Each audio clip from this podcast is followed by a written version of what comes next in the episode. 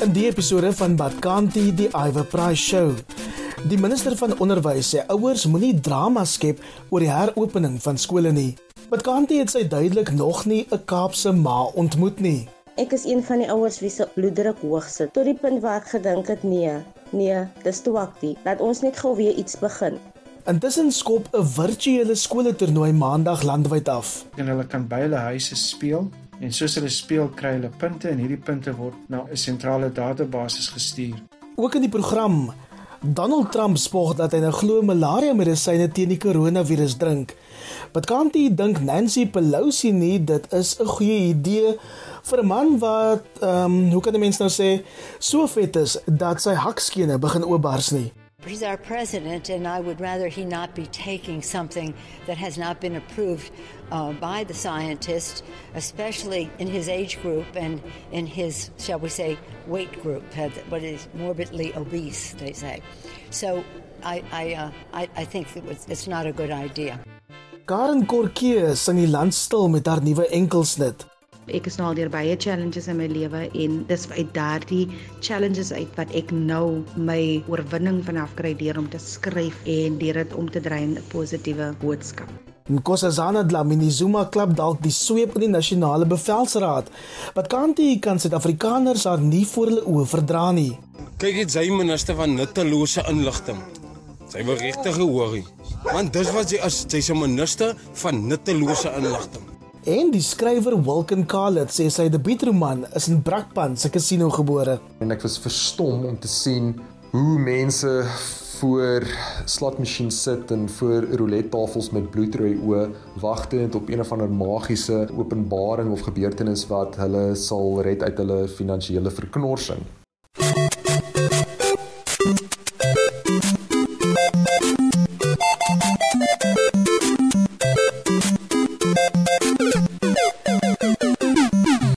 Hartlik welkom. My naam is Iver Price. Of hulle nou wil of nie, dit is Maandag terug hok toe vir Suid-Afrika se onderwysers. En kort op hulle hakke is leerders in grade 7 en 12 wat as deel van 'n geleidelike invasering terug skool toe moet gaan.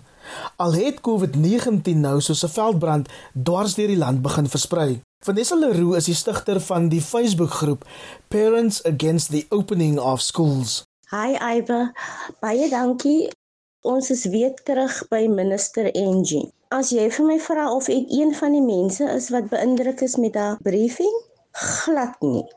In feite, ek is een van die ouers wie se bloeddruk hoog sit tot die punt waar gedink het nee, nee, dis te wakkie. Laat ons net gou weer iets begin because why? Ek voel sit ons as ouers in die inligting sessie behandel asof ons na kinders kyk. Ons is oupies of nennies na kinders. Sy neem die besluite en ons moet net invul. Dit werk nie so nie. Is ons kinders en as jy op 'n harde manier moet uitvind dat dit ons kinders is, dan gaan ons dit doen om vir te wys dit is ons kinders. Vanessa, dis natuurlik een ding om deel van 'n Facebook groep te wees, maar is iets heeltemal anders om 'n eie besluit te neem. Vertrou jy die minister en die departement van onderwys genoeg om jou eie kind terug skool toe te stuur te midde van 'n pandemie? As jy kyk na die planne van die minister, dan dink ek die minister het heeltemal realiteit verloor met wat in na skool aangaan. Sy het voeling uit met wie haar constituency is en wie die meerderheid is en wat hulle challenges is, want al daai planne is gemik op model C skole. Ek dink hier die minister besef ons sit met klasse van tot 50, 60 leerders in een klas nie. En as jy nou vir my sê, "Wel, 'n klas is beperk tot 20 kinders." Wat maak ons met die ander 40? Dit stuur op 'n ramp af. As ons nou sê, "Oké, okay, graad 12 en graad 7 gaan terug." Hulle gaan mos nie vir die res van die jaar alleen na wees nie. Oor 'n paar weke gaan die volgende fase, dan sal hulle hoeveel 4 grade terug. En dan, hoe gaan ons dit dan beheer? Dit is wanneer ons in die moeilikheid is. So ons moet dit een keer stop voor dit gebeur. Die plan wat die minister het, dit maak nie 'n sensie. Weet jy wanneer sou ek gerus gewees het? Ek sou verwag het dit moet wees dat elke hek van elke skool het 'n sanitizing tunnel waar deur kinders loop. Elke dag word die kinders voorsien van disposable masks Hy kan gaan by die huis kom en dan gaan haar niggie en die neef met die masker speel. Môre die kind nie meer masker nie. En dit is al wat die kind ge-issue word, twee maskers. Wat van die kinders wat maskers deel op die speelterrein? Ek dink hulle gaan nou klaar vir onderwysers druk om 'n kurrikulum te probeer na maak van 'n jaar wat nie gedoen kan word nie. Daai onderwyser moet 'n nurse wees, die onderwyser moet 'n nanny wees op die speelgrond. Ons wil weet wat is die rush? Dis 51000 ouers wat sê ons gaan nie ons kinders terugstuur nie. Die minister het al die wonderlike benamings wat sy het vir ons as ouers waar sy sê ons is dramatic, ons is anxious ouers. Ek sou verwag het sy moet anxious wees oor ons kinders. So hoe lyk die pad vorentoe? Gaan jy en die duisende lede van die Facebook-groep dit uiteindelik maar net aanvaar dat skole heropen moet word of ons nou wil of nie? Ons gaan so anxious as possible wees. Ons gaan so dramatic wees dat ons gaan stop om enige planne vir ons kinders verder te doen. Ons het besluit ons gaan hofaksie vat. Ons gaan 'n dringende interdik bring voor die 1 Junie om die oopmaak van die skole te stop. Die Weskaap is 'n tragedie. Ek luister na die MEC. Sy's vreeslik excited oor die oopmaak van die skole. Ek dink een van hulle gee om nie. As ek my wil verstout, gaan ek sê hulle is deliberate. Ons sit met die grootste infeksiesyfer in die land. Hulle gaan te kere asof education dit weeg swaarder as die lewe van 'n kind. Ons sê nie ons wil hê ons kinders moet terug aan die huwe. Wat ons vra is, Hoekom wil jy ons kinders in daai storm instuur? Wat is die ras? Because why met COVID het niemand ons menseregte oorboord gegooi nie. Ons kinders het die reg om veilig te wees. Ons kinders het die reg om onderrig te kry in 'n environment waar hulle veilig is en dit is waarvoor ons hof toe gaan. 'n Dooie kind kan nie educate word nie. So sê Vanessa Leroux en sy is nie al een wat so voel nie. 'n Nuwe Ipsos peiling wys dat 55% van alle ouers nie gemaklik is met die heropening van skole nie. Maar dis nie net die minister van onderwys wat die nasie se toenaals deur hulle skoensole laat druk nie. Dr Nkosazana Dlamini Zuma laat baie mense se bloed kook. Moenie na luister nie, maar jy's net so meneer president, want vir wie gee al die lockdown? Kyk hoe dring Hilda en Mrs. Jay nou die aan die opsit oosters. Hilda so dronk, sy kan nie sy kar huis toe ry nie. Toe moet hulle een vir huis toe ry. Vir wie gee jy al die vir wie gee jy al die lockdown? Vir wie gee jy al die donderse lockdown man? Mense op sies oosters kan drink soos hulle wil. Kyk loop taai aan na dinge se toe. Hulle drink juice aan sy juice fabriek en Hilda en Mrs. Jay sê sê hulle in hulle moere van en hier sit ek met 'n par aan my keel. Nee, dit werk nie so nie. Hou op, luister na jou minister van nuttelose inligting. Hou op, luister na. Sy wil 'n Gupta wees. Maak oop ons geretjies in ons rook die land uit die kak uit. Wel, ek wil nie nou die doodsengel wees nie, maar Dr Dlamini Zuma begin nou hard druk dat sigarette en drank eers weer vanaf vlak 1 inperking toegelaat moet word. Met ander woorde, dalk iewers eers volgende jaar wanneer COVID-19 moontlik sy ry gekry het.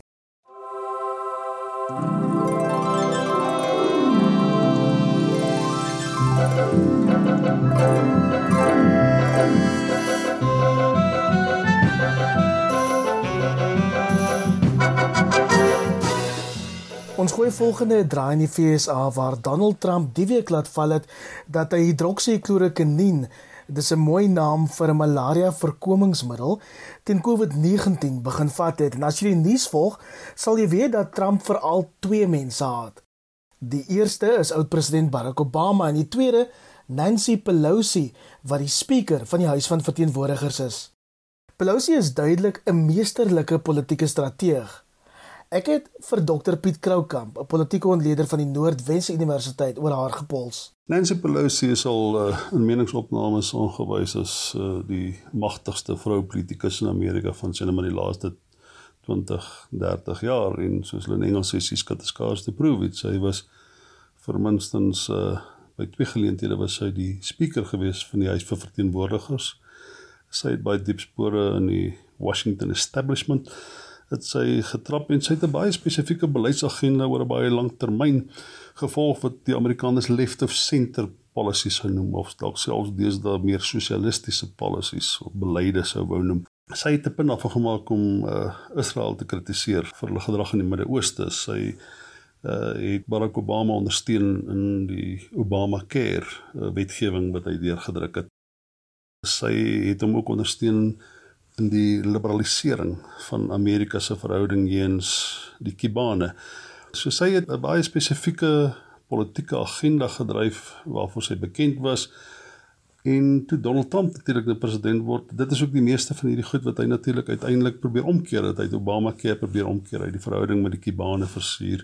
Hy het probeer om die verhouding met die Noord-Koreane op 'n ander werkswyse te bedryf en uh, terloops Pelosi was een van die eerste Amerikaanse politici wat met die Noord-Koreane begin onderhandel het oor kernwapenbesit. Ek dink dit was dalk selfs lank voor Donald Trump daaroor gedink het. Maar hierdie goed is alles goed wat Donald Trump uiteindelik besluit het om weer om te keer en dit moes uh, Nancy Pelosi geweldig afronteer het en dit het waarskynlik ook daartoe gelei dat sy uiteindelik die moeite gedoen het en uh, suksesvol was om in 'n staat van uh, beskuldiging te plaas. En sy het altyd gesê uh, selfs in die aanloop na sy verkiesing met uh, die primaries, die Republikeinse primaries, het altyd gesê dat hy nie die integriteit om die Amerikaanse president te wees. Hy het nie die karakter om dit te wees nie. Hy het nie die diepte en die begrip van politiek en wat dit vereis om 'n Amerikaanse president te wees. Hy het dit eenvoudig net nie. En sy het dit as 'n ware haar lewenstaak gemaak om hom te opponeer en toe hy uiteindelik president geword het, was dit waarskynlik vir haar 'n laagtepunt persoonlik in haar eie politieke loopbaan sowel as in Amerikaanse politiek.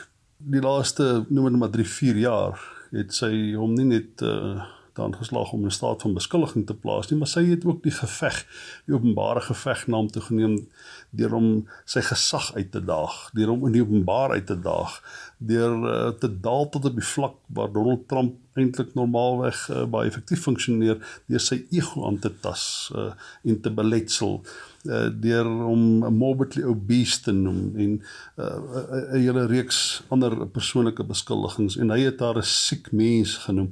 En dit is die vlak waarop hierdie verhouding uh, gefunksioneer het. Sy het met die uh State of the Nation toespraak het sy sy toespraak opgeskeer en gesê dis die beste wat jy met die toespraak kan doen, want dit is 'n vuil toespraak. So Nancy Pelosi wat 'n magtige politikus is wat uh, uit die Washington establishment uitkom, uh, het daarin geslaag om Donald Trump op meer as een vlak uit te daag wat betref haar opinies oor uh, wat hy werd is as 'n persoon, as 'n mens uh, en as 'n president. En uh, wat sy ook gedoen het, sy het gesê maar ek neem uh, die verantwoordelikheid vir die groot aantal vroue wat Donald Trump in openbaar verneder het. Ek neem verantwoordelikheid vir die hoeveelheid joernaliste wat hy in die openbaar beledig het. Ek neem verantwoordelikheid vir die Meksikane wat hy van misdaad beskuldig en van die oosterlinge en van die uh, Asiate en die Midde-Oosterlinge wat immigreer in ons land, daai immigrante wat hy probeer vervreem uh deur hulle teenwoordigheid in Amerika onder verdenking te plaas. Ek ek neem verantwoordelikheid vir daai minderhede in Amerika en sy het die vermoë onder Donald Trump se vel in te kom en eintlik sy aandag af te trek van dit wat belangrik is. En in die ander na November se verkiesing kan dit 'n probleem vir Donald Trump word. In die sin dat hy het vir Joe Biden as sy opponent, maar Nancy Pelosi gaan nie weggaan nie. Sy sal alles doen wat sy kan oor die volgende 3-4 maande om seker te maak Donald Trump word nie herverkies as president in Amerika in 86 jaar oud. Dit is haar laaste grootste, noem dit net maar missie in die lewe is om Donald Trump onder die troebelwaters in te trek van Amerikaanse politiek. En sy mag dalk net baie suksesvol wees. Donald Trump sal 'n fout maak as hy dink hy het net vir Joe Biden om uh, met 'n deal. Nancy Pelosi gaan alles doen om Donald Trump se politieke loopbaan in November te beëindig.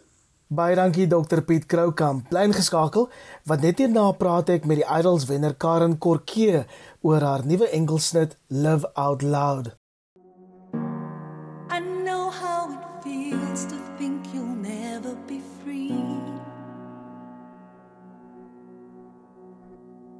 Cause I've been locked away before and I thought they got rid of the key.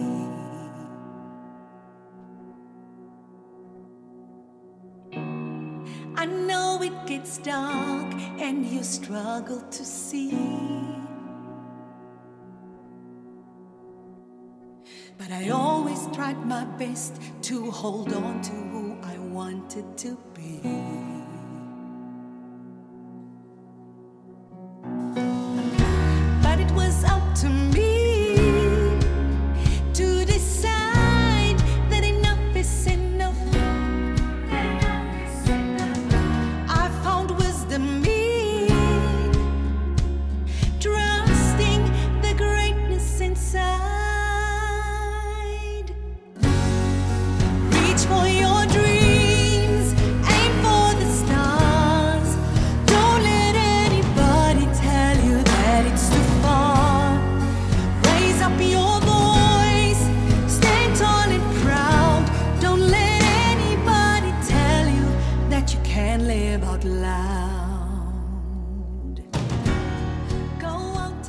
Dis 'n voorsmaakie van Live Out Loud, dis die nuwe single van die Kaapse diva Karen Corke en jy hoor dit hier op Badkanti, die Iver Price show. Die inspirasie vir die liedjie kom van self experience en my journey wat ek geloop het. En dit is wat dit so eg maak, die song so eg maak because as 'n mens spreek van 'n eerlike plek af, dan resonate dit met die next persoon. Ek is nou al deur baie challenges in my lewe en dis uit daardie challenges uit wat ek nou my oorwinning vanaf kry deur om te skryf en deur dit om te in 'n positiewe boodskap. Karen, as jy vandag na jou eie musiek luister en so terugloop op die pad sedert jy 15 jaar gelede as 'n appelpakker van Grabouw daai eerste idols gewen het. Hoe het jy oor die jare as 'n kunstenaar gegroei? Ek het spyt ek het nooit vroeër begine skryf nie, maar ek glo dat elke proses in 'n mens se lewe gebeur met 'n doel en skryf is nie iets wat jy kan forceer nie, want dit moet kom van 'n eerlike plek af. Ek kyk nou net vorentoe en hoe en waartoe hierdie pad vir myself vat. En dan Karen sien baie mense uit na House Arrest. Dis jou YouTube konsert volgende Vrydag aand saam met van die Kaapse bekendste sangers. My lockdown konsert was gemotiveer deur obviously die feit dat ek werkloos is en dat ek dit bals om te betaal en hoe anders gaan ek nou 'n inkomste verdien? Ek het gesien die guys post van online concerts en ek het 'n paar gaan kyk. Ek het vir Dr. Victor gekyk. I love the whole setup. Ek het Robin se shows gekyk en ek het gemotiveerd gevoel daardeur om my eie ding te doen ook. Maar daar was net 'n begeerte vir my om nie net obviously myself te verryk daardeur, maar ook my next colleague because ek weet ek is die enigste een wat nou in die posisie sit nie. En as jy asof ek nog gewoon net 'n produksie met mekaar kan sit en sê ek gebruik dit net gebruik daai en boem daar is dit. Dis 'n hele nuwe ding nou. Wat gaan ek maak? Hoe gaan ek maak en wat gaan die stappe wees? So, toe dink ek, okay, om vir mense waarde vir hulle geld te gee, moet jy obviously 'n goeie produk ook uitsit. Ek het nou besluit om dan nou maar nou the cream of the crop te gebruik om my voet in die deur te sit en 'n tipe van 'n pilot produksie bymekaar te sit en kyk of wat kom daarvan. So ons is baie excited oor die produksie. Ons noem dit House Arrest, a bailout for artists. Alle fondse wat ingesamel word word dan gesplit deur die mense wat op die line-up is, equally gesplit. Ons sal dankbaar wees vir enige donasie, enige vorm van donasie. Ons is nou besig om die final klips en goed bymekaar te sit. Alles gaan pre-recorded is want ek wil graag ook seker maak dat daar nie interference is nie. Dit gaan 'n uur lank show is So ek wil die mense moet waarde vir hulle geld hê. Want as ek 'n show kyk dan wil ek hê hey, dit ding moet buff of wat moet nou nie werkie of iets van voor en dit is nou net daai lekker oomblik in die performance wat ek dan mis. En dan hopelik gaan dit 'n nuwe platform is om ook ander musikante daar buite te help om 'n randjie of twee te verdien. So ek is baie excited oor die produksie. Baie dankie Karen Korkee. Kaartjies vir die House Arrest konsert kos R45 en is op Quicket beskikbaar.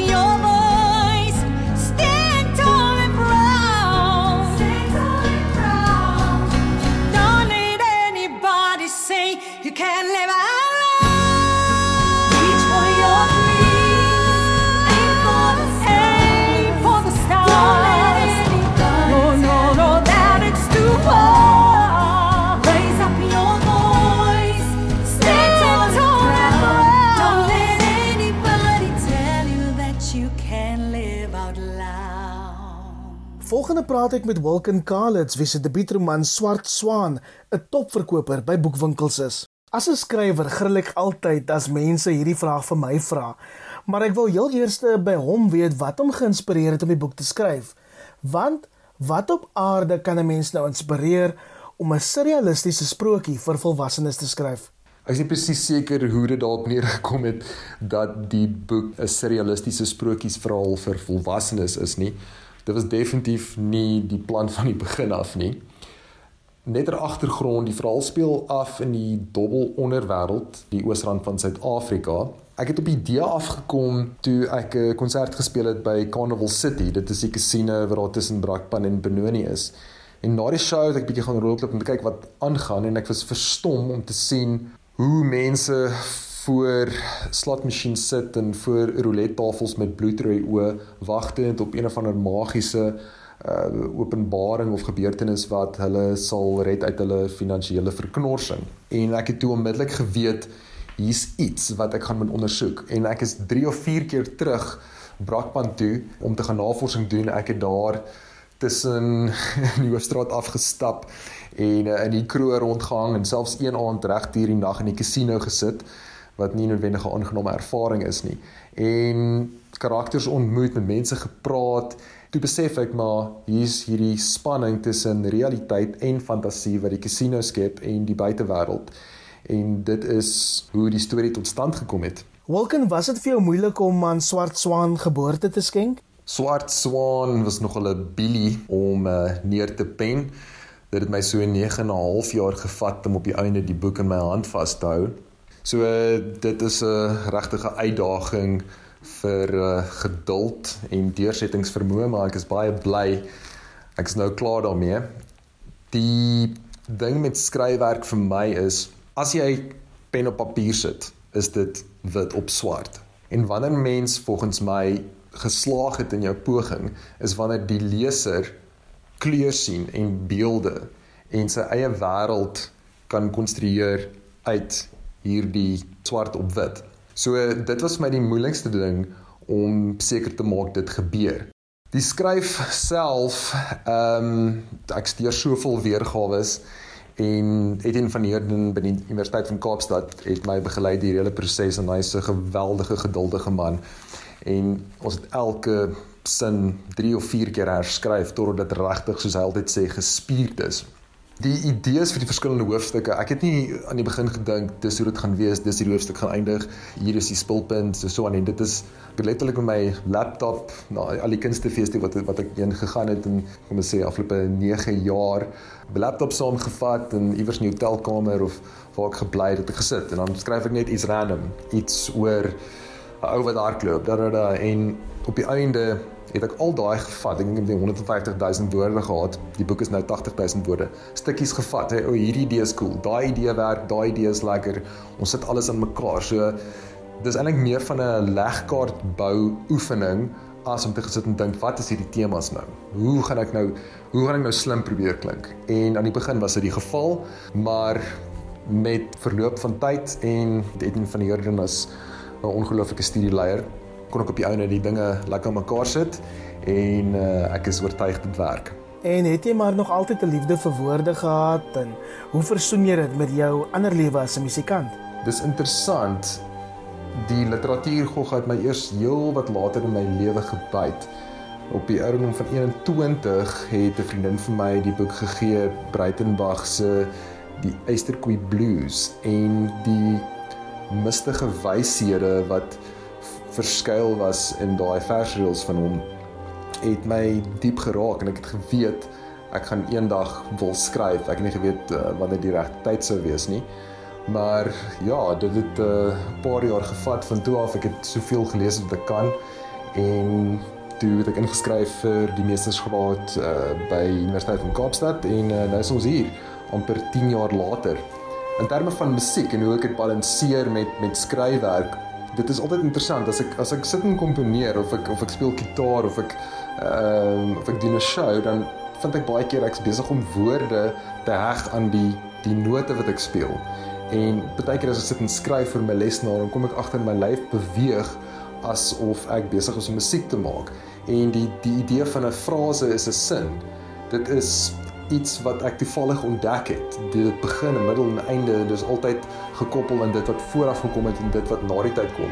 Dis 'n baie natuurlike samevoeging of daar's parallelle tussen beide kunsvorms. As ek my lewe oor sou hê, sou ek presies dieselfde doen om elke dag op te staan, te skryf en musiek te maak. Sonder om te veel daaroor te dink, wat is die een ander boek wat al met jou kop gesmokkel het En watter liedjie is die klankbaan van jou lewe? Ek dink dit is 'n stryk vraag van hoe sonder mens na een boek uit. Die een wat wel onlangs my kop smokkel is Grapes of Wrath deur John Steinbeck en dit handel oor 'n gesin wat swaar kry of hulle uh, hulle togte deur hele Amerika in die 1930s tydens die depressie En toe ek dit lees, besef ek maar, wow, eh, hierdie is eintlik gaan eintlik oor Suid-Afrika of dit is 'n parallel met wat op die oomblik aan die gang is. Die geweldige armoede en wat gebeur in die siege van mense wanneer daar 'n broeiende onheil is of 'n of 'n opstand.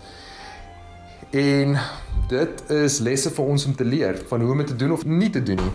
Likkie, ek dink Philip Glass se vioolkonserto se middelbeweging is iets besonders mooi. Dit begin dit begin met absolute skoonheid en onskuldigheid, dan bereik dit 'n klimaks van kleur en klank en met 'n tyd sterf dit weg soos dit begin het. En dit is volgens my tipe van 'n metafoor vir my lewe en ek dink almal se lewens met soveel oppe en affe en op die einde is dit 'n beeldskone sterfte. Wilken Carlitz, die skrywer van 'n opspraakwekkende nuwe roman, Swart Swaan.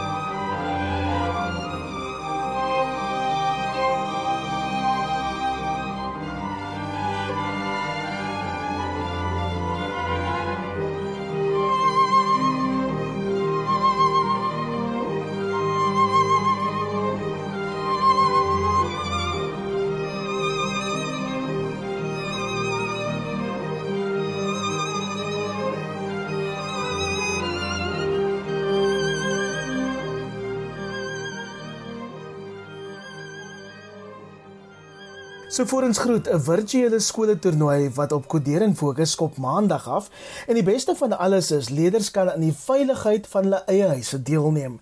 Die man agter die toernooi is professor Jean Greiling, verbonde aan die Nelson Mandela Universiteit se departement rekenaarwetenskap. Sagteware ontwikkeling is een van die skaarsste vaardighede in Suid-Afrika en meeste van die wêreld.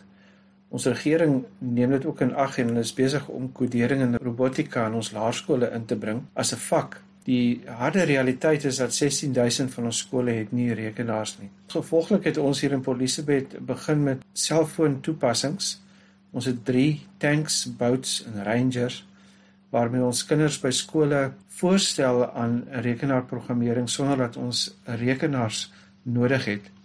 Die afgelope 2 na 3 jaar het ons reeds 20000 leerders bereik dwars oor die land met die COVID inperkings einde Maart het ons dadelik besef dat ons projek met die tasbare legkaartstukke en selfone in interaktiewe werkswinkels by skole nie meer kan voortgaan ten minste seker vir die res van die jaar nie. En gevolglik moes ons dink aan 'n alternatiewe plan. Ons het toe gaan kyk na ons een toepassing Bouts, waar wat hy programmering aan kinders voorstel, maak hulle ook bewus van die uitdagings van plastiek in die oseane en ons het bouts aangepas sodat kinders nou virtueel daarin kan deelneem. Dit beteken hulle kan by hulle huise speel en soos hulle speel kry hulle punte en hierdie punte word na 'n sentrale database gestuur. Dit laat ons toe om 'n virtuele toernooi aan te bied wat ons dan vanaf maandag 25 Mei ons eerste toernooi gaan aanbied. Ons het oor die 20 eh, skole, hopelik selfs meer wat gaan deelneem. So die kinders gaan by die huise speel, hulle punte gaan na ons toe kom en ons gaan wenners kies oor 2 weke. Dit is ook op 'n manier 'n fondsinsamelingsveldtog vir COVID verwante sake. So vir elke kind wat inskryf, skenk ons R30 vir 'n koffie wat uitgedeel gaan word by hospitale hier in Port Elizabeth. Die wenskool kry R4000 om te spandeer aan 'n COVID verwante saak. Dan gaan ons ook vir kinders datapryse gee vir die kinders wat die beste doen. Skole is welkom om nog in te skryf gedurende hierdie 2 weke want kinders begin maar net bloot by die huis speel. Hulle is welkom om my te kontak. Professor Jean Greiling en ook goed om te hoor dat vir elke deelnemende leerder daar 'n koppie koffie gekoop sal word vir medisy wat tans op die voorste linies van die COVID-19 stryd staan. As jy dit eintlik by hierdie podcast gemaak het, dit is Badkanti die Iver Price show, wil ek jou twee gunste vra. Die een is Ry asseblief sommer dadelik die podcast op Apple Podcast of as jy dalk luister op Spotify of Google Podcast, doen dit daar. En tweedens, deel dit asseblief en jy doen dit op Facebook, Twitter, Instagram of selfs op WhatsApp. Tot volgende week.